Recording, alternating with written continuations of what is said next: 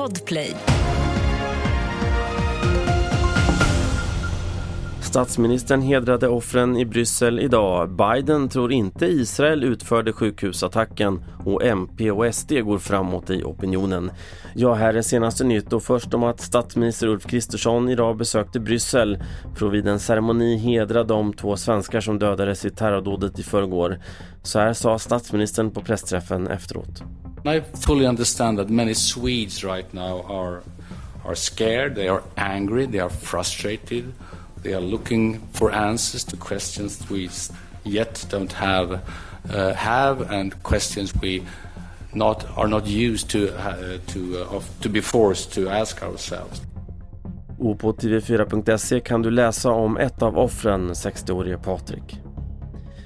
USAs president Joe Biden ställde sig idag bakom Israels version om att landet inte orsakade sjukhusattacken som tros ha dödat flera hundra människor i Gaza igår. Det sa han på en presskonferens i samband med sitt Israel-besök idag. Det rapporterar Jonas Källgren från Tel Aviv. Han tror på vad Israel säger om den här robotattacken eh, mot sjukhuset. Att det snarare handlade om en misslyckad robotavskjutning från Islamiska Hamas än en eh, israelisk attack. Frankrikes president Emmanuel Macron skjuter upp sitt Sverigebesök som skulle ha skett nästa vecka. Enligt fransk tv är skälet kriget mellan Israel och Hamas men även terrorattacken mot de två svenskarna i Bryssel och knivmordet på en lärare i Frankrike.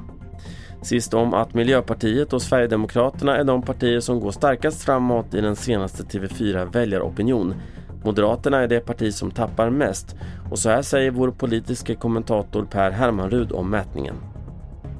Sedan valet har den rödgröna oppositionen gått upp med 5 procentenheter medan Tidöpartierna tappat ungefär lika mycket. Om det vore val idag skulle Magdalena Andersson återigen bli statsminister med god marginal bland annat eftersom både Liberalerna och Kristdemokraterna skulle åka ur riksdagen. Fler nyheter på tv4.se. Jag heter Carl-Oskar Alsen.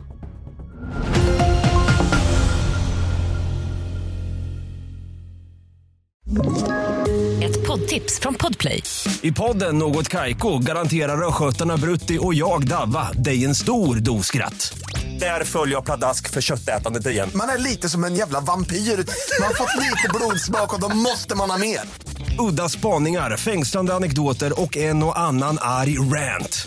Jag måste ha mitt kaffe på morgonen för annars är jag ingen trevlig människa. Då är du ingen trevlig människa, punkt. Något Kaiko, hör du på Podplay. Därför arkadeinerna.